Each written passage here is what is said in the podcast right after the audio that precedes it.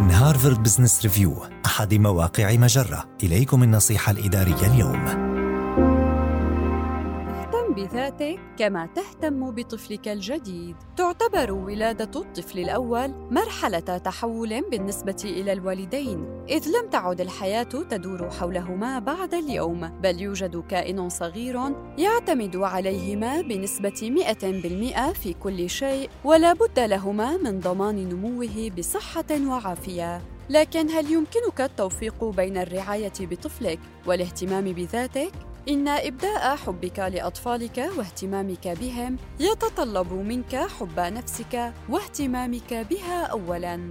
خصص وقتا محددا تقضيه مع أطفالك وتستفيد منه إلى أقصى حد في اليوم في المقابل خصص بعض الوقت لنفسك أيضا لتمارس الرياضة أو تتحدث مع شريكك أو صديقك حدد الأنشطة اليومية البسيطة التي تساعدك في استعادة نشاطك حتى تكون حاضرا مع أطفالك عند وجودك معهم. وقد تصبح بعض هذه الممارسات روتينا منتظما من نمط حياتك يتيح لك تجديد طاقتك باستمرار قبل أن تضمحل قواك. تحدى نفسك في تخصيص أوقات قليلة مدتها خمس إلى عشر دقائق في اليوم لممارسة الأنشطة الصغيرة التي تجدد طاقتك. من المهم أن يدعم الزوجان بعضهما بعضا من خلال توفير أوقات راحة كافية، فالتناوب على رعاية الأطفال يجنب كلا الزوجين الشعور بالإرهاق من الواجبات الأسرية،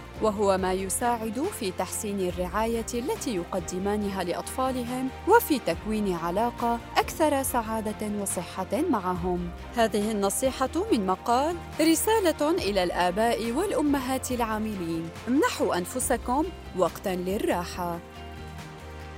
النصيحة الإدارية تأتيكم من هارفارد بزنس ريفيو أحد مواقع مجرة مصدرك الأول لأفضل محتوى عربي على الإنترنت.